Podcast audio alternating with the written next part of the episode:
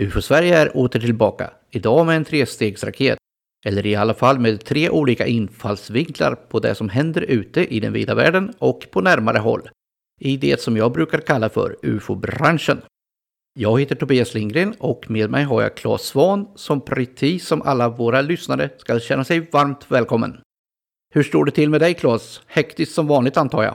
Eh, ja, det har varit en eh, fem timmar lång inspelning med eh, Felix Herngren och eh, filmteamet inför TV4 UFO-dokumentären då.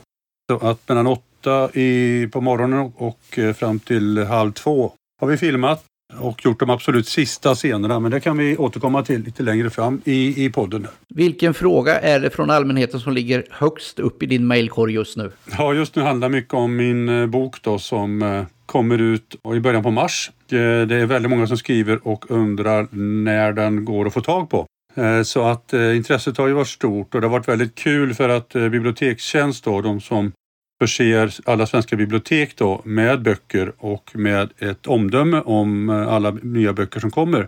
Skrev en väldigt positiv recension igår. Gav mig en fyra av fem i betyg, vilket jag känner mig glad över givetvis. Så att det är väldigt mycket diskussion kring boken just nu. UFO, närkontakterna som skakat världen, heter den på Semix bokförlag.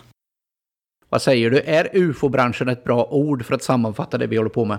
Ja, det är det väl. Den är så bred. Det är ju både sådana som är inne för att tjäna pengar, sådana som jobbar ideellt, eh, det är sådana som är nyfikna, sådana som läser, sådana som skriver, sådana som konsumerar, sådana som producerar. Det är ju en bransch i sig då. Även om det kanske låter som en industri så det så litar det faktiskt i vissa stycken en, en industri också. Många livnär sig på detta idag. Många stora poddar då, inte våran, är ju en eh, kassako faktiskt för en del personer. Även om intresset för poddar har minskat något ska jag säga också. Den värsta poddhypen har lagt sig lite. Så är det faktiskt då. Men det dyker upp nya poddar också så att eh, den kommer att pågå ett tag till men inte på samma kanske heta nivå då som den har gjort de senaste åren. När jag är ute och snackar så brukar jag ju säga att man inte blir rik i ufo-branschen. Nej, det blir man ju inte. Utan man eh, kan ju i bästa fall då eh, täppa igen lite hål som man har i utgift, på utgiftssidan då. Det är väl så. Ingen av oss kan ju leva på detta eller komma ens i närheten av och se det här som ett jobb. Utan vi gör ju detta ideellt och för att vi tycker att det är spännande och intressant. Ja, vi vill ju heller inte att det ska bli ett jobb väl? Utan att det ska fortsätta att vara en hobby. Ja, vi har sett exempel på eh, personer som har gjort det till sitt jobb och som det kanske är lite avskräckande att följa på nätet och eh, i olika medier och som är experter mot betalning och gärna tycker att allt de pratar om är det absolut mest spännande och det bästa som någonsin har hänt.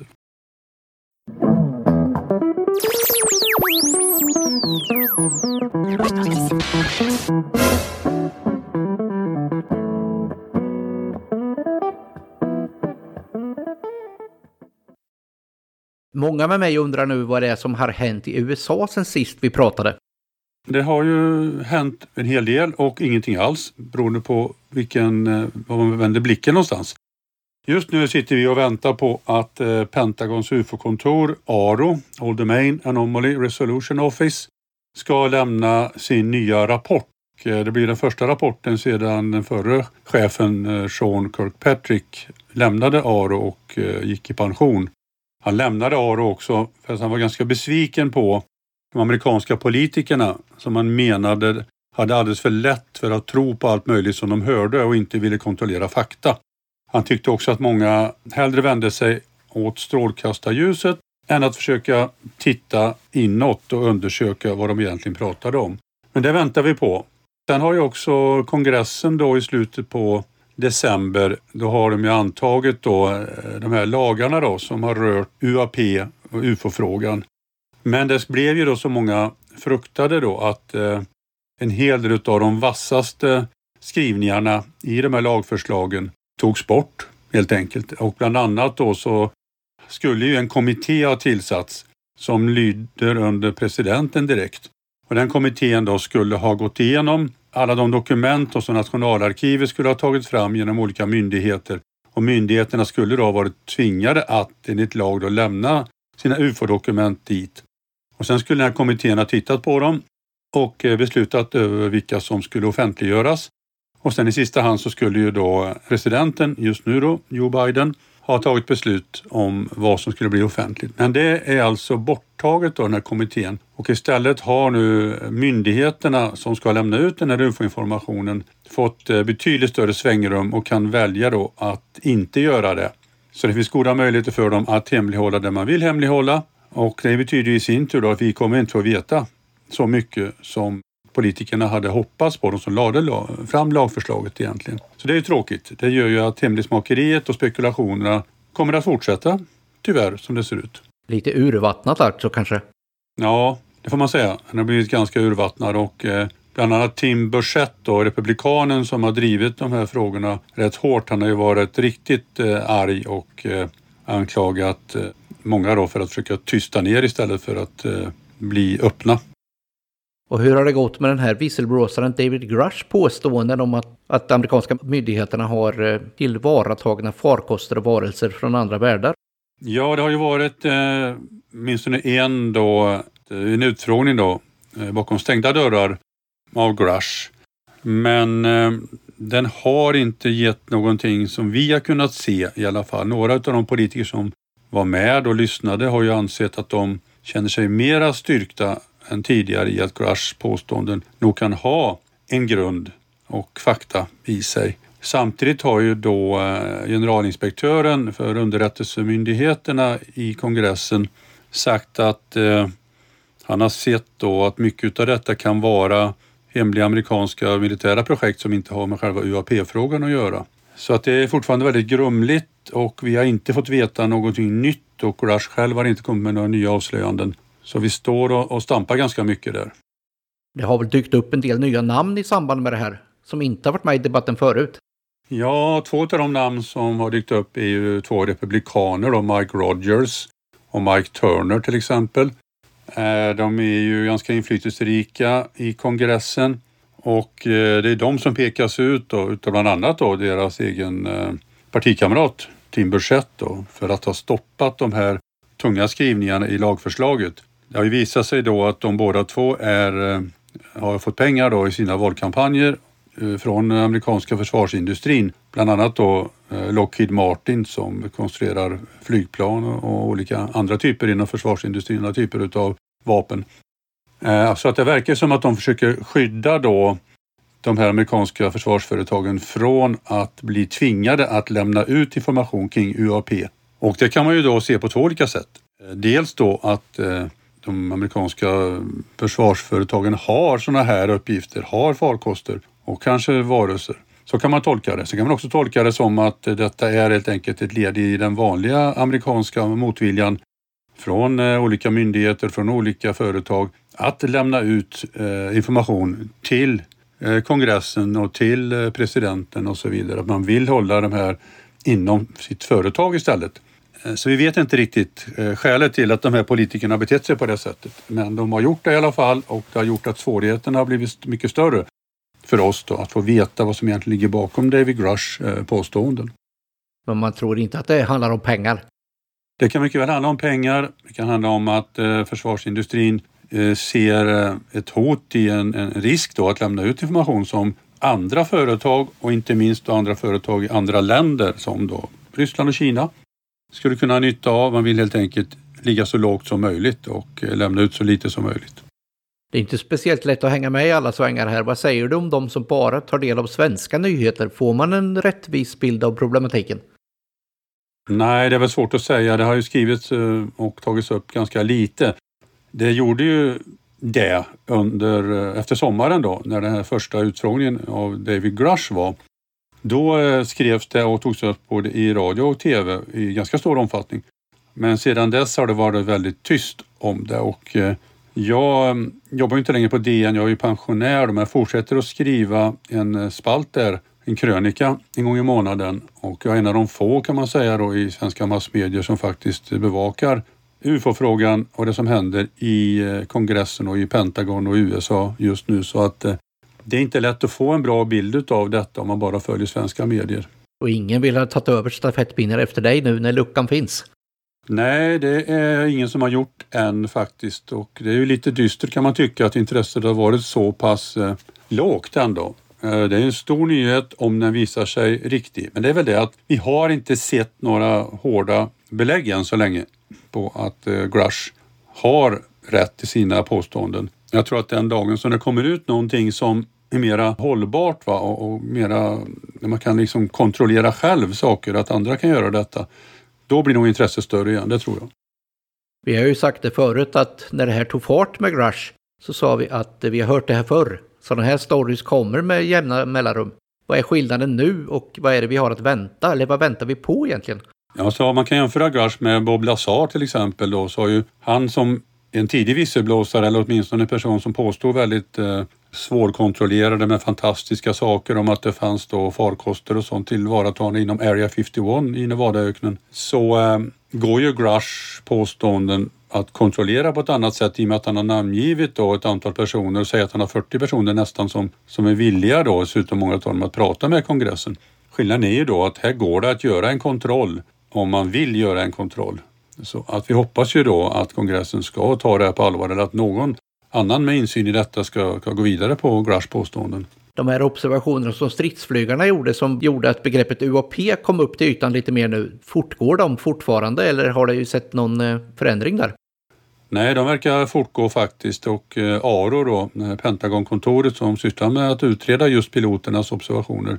De arbetar ju med långt över tusen rapporter just nu. Vi ser ju också då att eh, här gruppen som Ryan Graves har skapat då för civila piloter. Ryan Graves är en av de piloterna som har observerat okända fenomen i luften med egna ögon.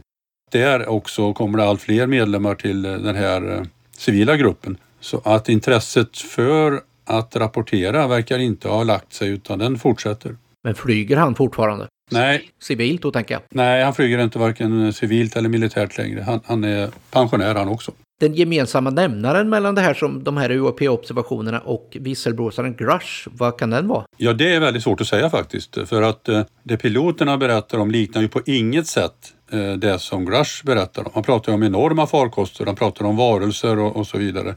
Det piloterna pratar om är ju små farkoster, en till två meter stora och med all säkerhet inte bemannade. Om det inte är dvärgar utan av minsta slaget då.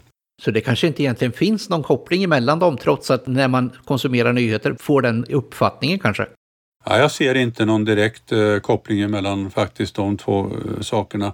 Det Grush berättar om liknar mera på något sätt AI-drönare som eh, skulle kunna komma från eh, andra länder, vilket ju förnekas både av USA och andra länder. Men eh, kanske också då utav någon eh, mycket längre bort i kosmos som skickade hit honom för mycket länge sedan och som har sedan med tiden då Eh, förbättra sig själva och bedriver någon typ av autonom eh, underrättelseinhämtning på jorden eh, så kan man ju tänka. Va? Vi har ju inte sett några belägg för det heller då, men det är i alla fall en kittlande tanke då att det skulle kunna vara någon typ av artificiell intelligens då som skulle kunna styra de här. Och att vi säger det, det beror självklart på att vi pratar om AI nu väldigt mycket. Det är ju lätt att fastna i det som just nu är populärt. Så man ska ju akta sig för att tro att det här är sant bara för att det råkar vara just ämne som är, är uppe på bordet för dagen då. Så att det är svårt att säga, men likheterna är inte alltför slående mellan eh, Grush och piloternas observationer. Så det här kanske alltså är två ytterligheter av samma fenomen? Ja, vi vet ju alla, både du och jag, att ufo-fenomenet är ju väldigt diversifierat. Det har inte en enda förklaring utan det är väldigt brett. Folk ser ju allt ifrån varelser som kommer in i sovrummet till de här konstiga ljusfenomenen då, ljusglober och sånt som beter sig på ett intelligent sätt och som Johan Gustafsson bland annat då i UFO Sverige har skrivit en, eh, en väldigt bra eh, sammanfattning utav och som går att beställa genom oss. Men eh, nej, vi, vi står lite och stampar på samma fläck som tidigare. Vi har ett okänt fenomenkomplex, men vi har inte svaret på det. Även om många önskar att utomjordingarna utomjordingarna här. Nu kan vi säga att vi vet. Det vet ju ingen. Det är ju löjligt att påstå att man vet att det är utomjordingar som kommit hit. Vi vet lika lite idag som vi visste förut. Vi hoppas ju att Grush påstående ska gå och validera, att det ska gå och bekräfta dem. Och då kanske vi vet lite mera. Just nu så är det många som hoppas och säger saker som de egentligen inte har någon grund för att eh, påstå. Kan det här på något sätt kanske i förlängningen få några implikationer för oss här i Sverige? Ja, det skulle man kunna eh, tänka sig givetvis. Eh, ju mer som blir faktamässigt bekräftat desto mera viktigt blir ju det arbete som UFO Sverige gör. Och eh, det visar också att vi har sysslat med nu i, i 50 år drygt är någonting som inte bara har med hallucinationer och, och drömmar att göra utan att det finns någonting att ta på. Så att jag hoppas att det här kommer att stärka vårt arbete och det tycker jag att det har gjort redan. Många som är intresserade har ju kommit in i UFO Sveriges verksamhet efter det som händer i USA och efter artikeln i New York Times 2017 inte minst, som väckte väldigt många till att förstå att ufo-fenomenet är någonting som går att ta på. Det är också väldigt många som har fått upp ögonen för vad vi gör. Verkligen. Det är oerhört många som både skriver till oss och som läser våra tidskrifter, läser oss på ufo.se och lyssnar på just sådana här poddar som vi gör just nu. Ska vi säga någonting om resten av världen? Ser vi något spännande där förutom USA då? Ja, världen är ju stor. Det händer ju saker överallt, givetvis hela tiden. Det som händer just nu när vi pratar är ju att det är en expedition då i eh, Djupsjön utanför Röros i Norge som eh, når sin kulmen om några dagar. Där hände ju en eh, intressant historia eh, i augusti 1947 och jag hade förmånen att vara vid Djupsjön eh, i expeditionens första fas förra året och eh, där de letar efter med sonar och dykare är ju då ett föremål som en man som heter Bernhard Solli såg eh, just i augusti då 47. Kom liksom dånande in över honom och eh, en annan kamrat som stod ute och arbetade på fältet och även hans hustru och dotter kom sen ut och såg det här föremålet som ju dök ner över fältet och eh, landade på djupsjön där det höll sig flytande då under många minuter tills det försvann bara. Det var ett föremål som var inte helt runt, mera lite ovalt kanske och som alltså märkligt nog flöt omkring då. Inte särskilt långt ifrån stranden för det var ju då i närheten av en ö ute i sjön. Och sen eh, jobbar ju de här eh, Bernhard Solli och hans eh, kamrat vidare på fältet och eh, dottern och, och eh, hustrun gick in och jobbade inomhus. Och när de tittade nästa gång efter en kvart, 20 minuter så var föremålet borta. Och det hade inte lyft som ytan förstår och det förde ett väldigt oväsen när det passerade första gången så de borde ha hört det om det hade flugit iväg. Så det kan ju ha försvunnit ner under vattenytan och där har man då fått utslag då på ett föremål med hjälp av eh, markradar och eh, sonar som inte alls ser ut som det här som Bernhard Solly beskrev utan snarare 14 meter långt och 3 meter brett. Men det ligger där i alla fall och det är man nu nyfiken på och kommer att fortsätta leta efter. Det tycker jag är det mest spännande just nu som pågår eh, runt om i världen då, förutom olika diskussioner om UFO i, i USA och Sverige. Man känner igen berättelsen från svenska fall. Vågar man säga spökraket i det här fallet? Alltså de kallar ju detta eh, för en spökraket och säger att det är det de letar efter. Så att den påminner väldigt mycket om spökraketen, att det just har slagit ner i en sjö och sedan försvunnit. Så mm, visst, jag är beredd att kalla den spökraket och det ska bli spännande att se vad de kommer fram till. Det håller jag med om.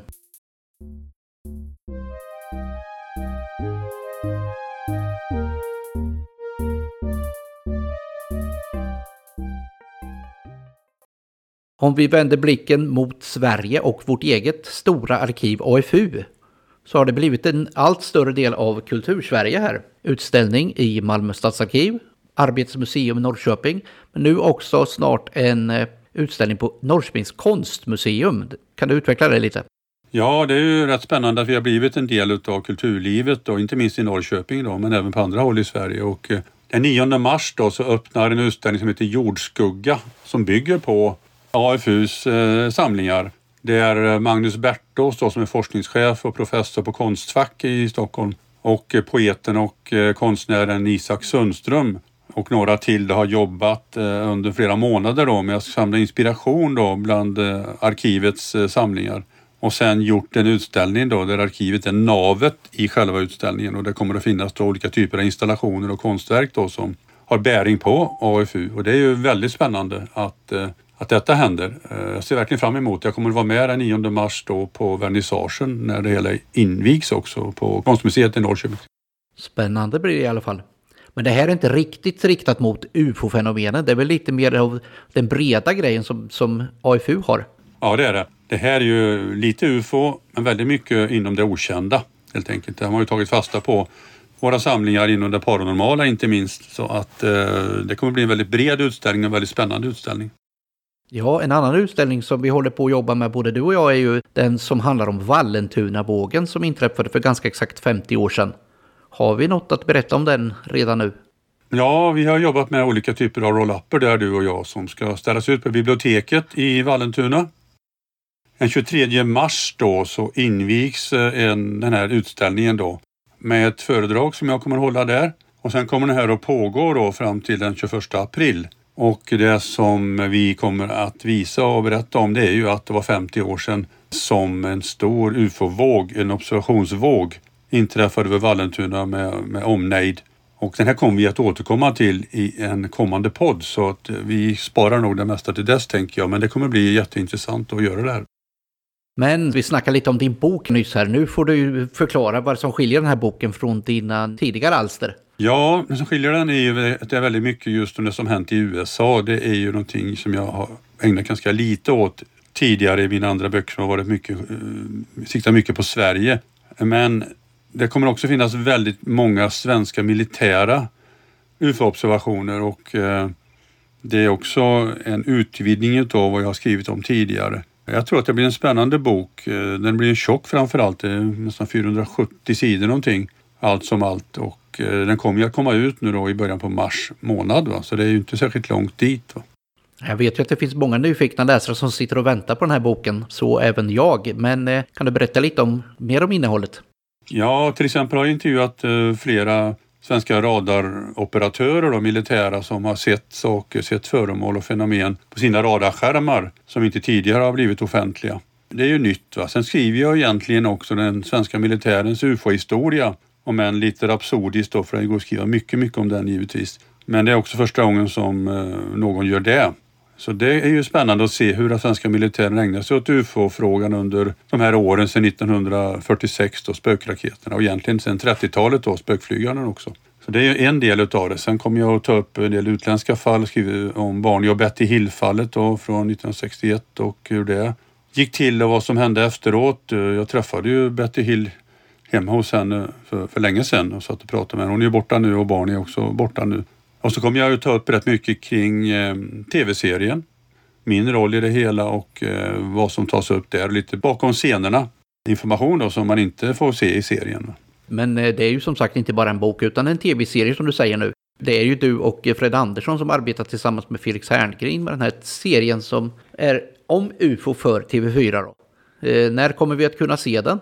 Som sagt, jag var med och spelade in den absolut sista scenen hoppas jag nu då eh, för några timmar sedan. Och enligt eh, TV4s planering då så kommer den att visas med början vecka 13, alltså sista veckan i mars. Då ska den rulla igång. Det är fyra avsnitt då på en timme var och så är det reklam en del utav dem då.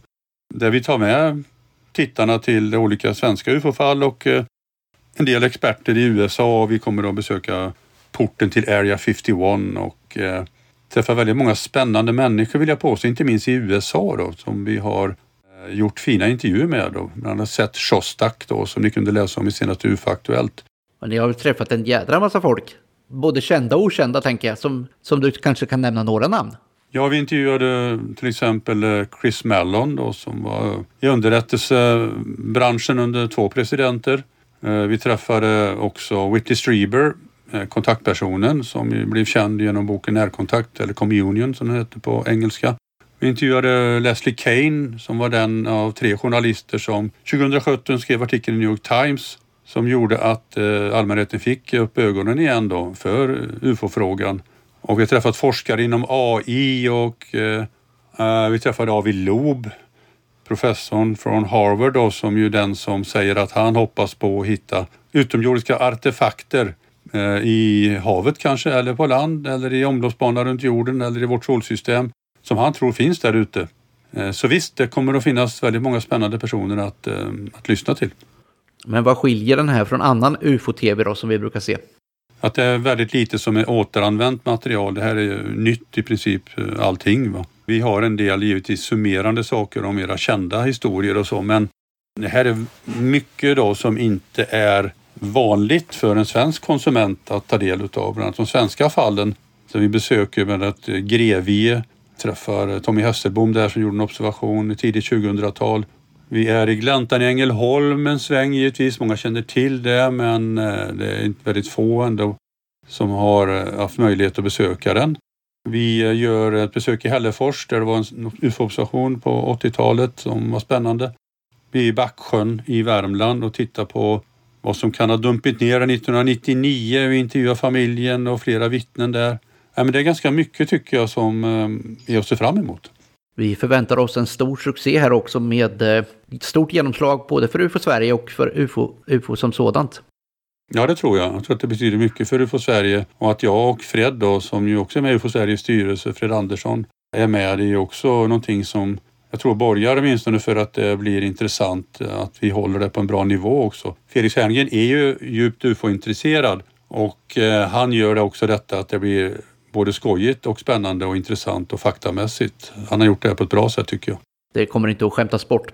Nej, det blir inte bortskämtat, men det kommer att vara underhållande. Ja, underhållande absolut. Det kommer bli eh, kul att se. Det är som jag brukar säga om den här podden, det gör inte om det är underhållande, men vi tänker att det ska vara lite folkbildande. Ja, det är viktigt.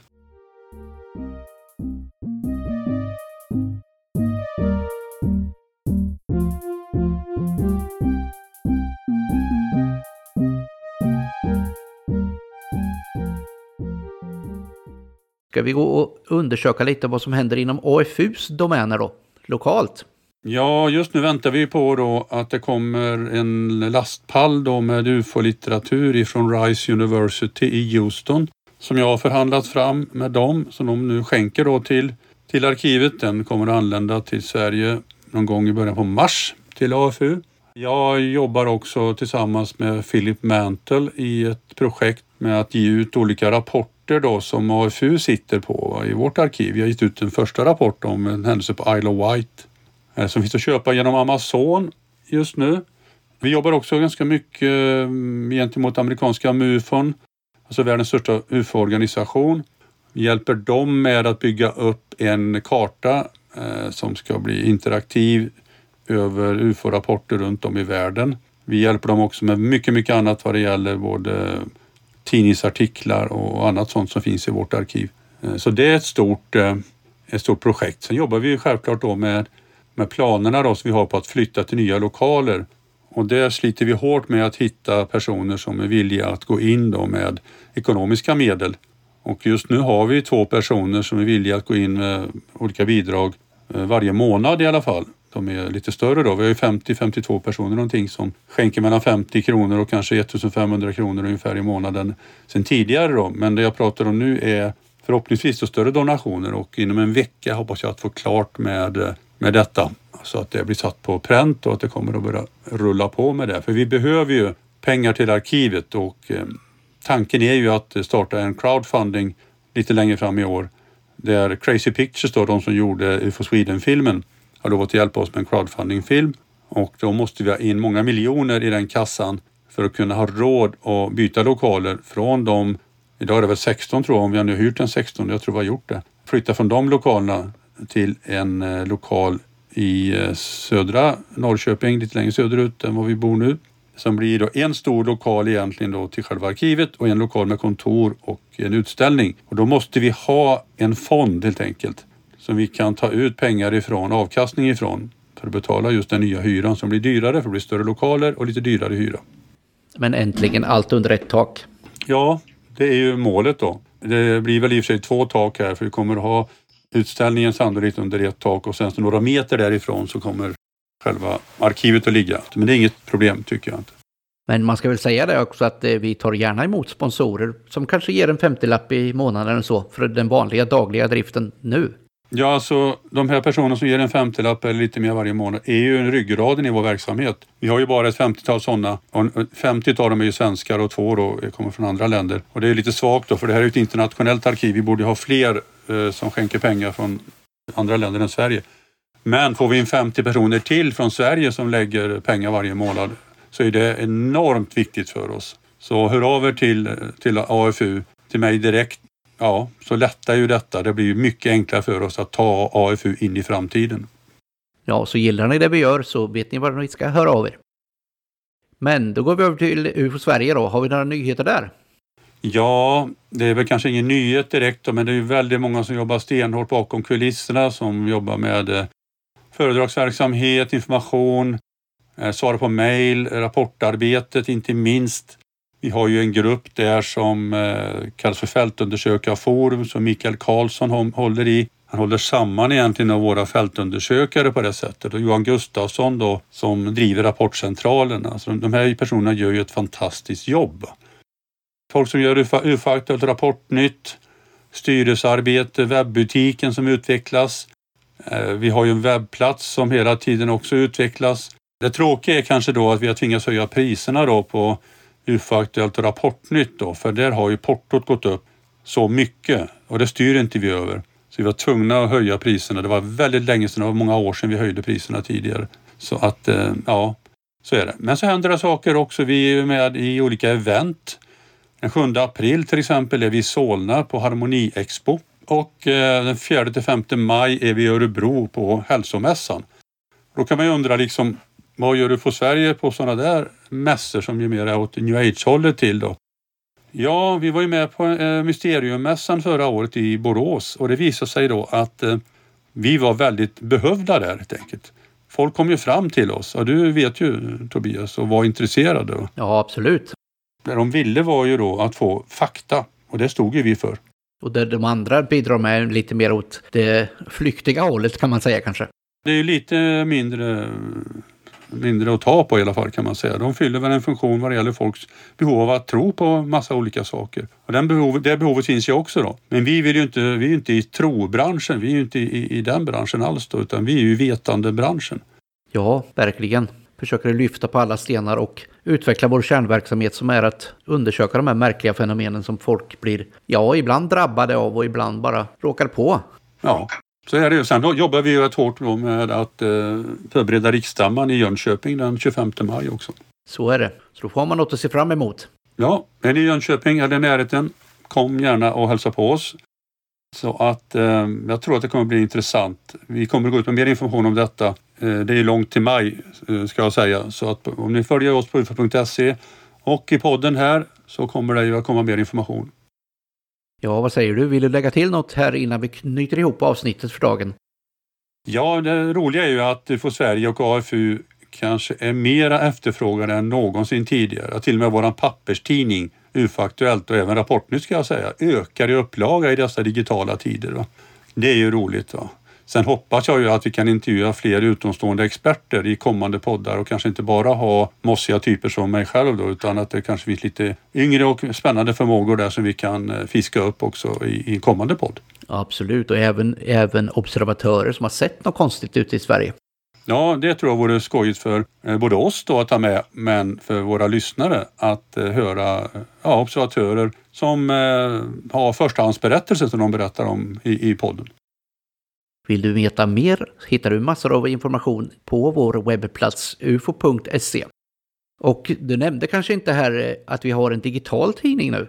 Nej, det stämmer. Vi har ju eh, nästan hela 2000-talet nu utlagt i våran webbutik. Så det kan man alltså köpa enstaka nummer då av UFO Aktuellt. Och det kommer ju fyllas på med tiden. Ja, det kommer att komma betydligt flera. Det kommer att fyllas på från 90-talet och sen bakåt också. Eh, tyvärr är det så, man kan inte prenumerera än digitalt. Men det kommer att gå att köpa lösnummer tills vidare innan vi har hittat en bra betallösning på hur man ska bära sig åt för att få en digital prenumeration. Men man slipper ju det här förhöjda portot. Det gör man. Det, man köper ju tidningen till det pris som står tryckt på den och slipper helt enkelt eh, få den skickad hem för dyra pengar. Jag tycker fortfarande att det är väldigt sexigt med en papperstidning. Sen är det väldigt bra då att den finns i ett digitalt format och att folk har den möjligheten att eh, köpa den den vägen och inte minst att få tag på tidigare nummer som ju inte alltid är så lätt att få tag på.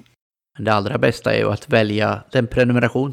Ja, och väldigt många gör det just nu. Det rasar in prenumeranter. Det är långt över 800 redan och eh, det tyder på att vi kommer att passera över 1000 innan året är slut. Och vi låg ju där kring 1000 och nosade i slutet på förra året om vi inte var strax över till och med. Och det är väldigt bra. Eh, det var länge sedan vi var eh, så högt uppe att vi hade så många prenumeranter på UFO Aktuellt. Så allting tyder på att det blir ett rekordår vad det gäller UFO-aktuellt-prenumeranter. Eh, om man vill höra av sig till UFO Sverige gör man det lättast via mejladressen info.ufo.se. Men då säger vi väl adjö och på återhörande i podden som numera heter UFO Sverige. Och jag tackar för din medverkan Claes Svan. Ja, tack så mycket Tobias. Trevligt att vara med. Hej. Hej hej.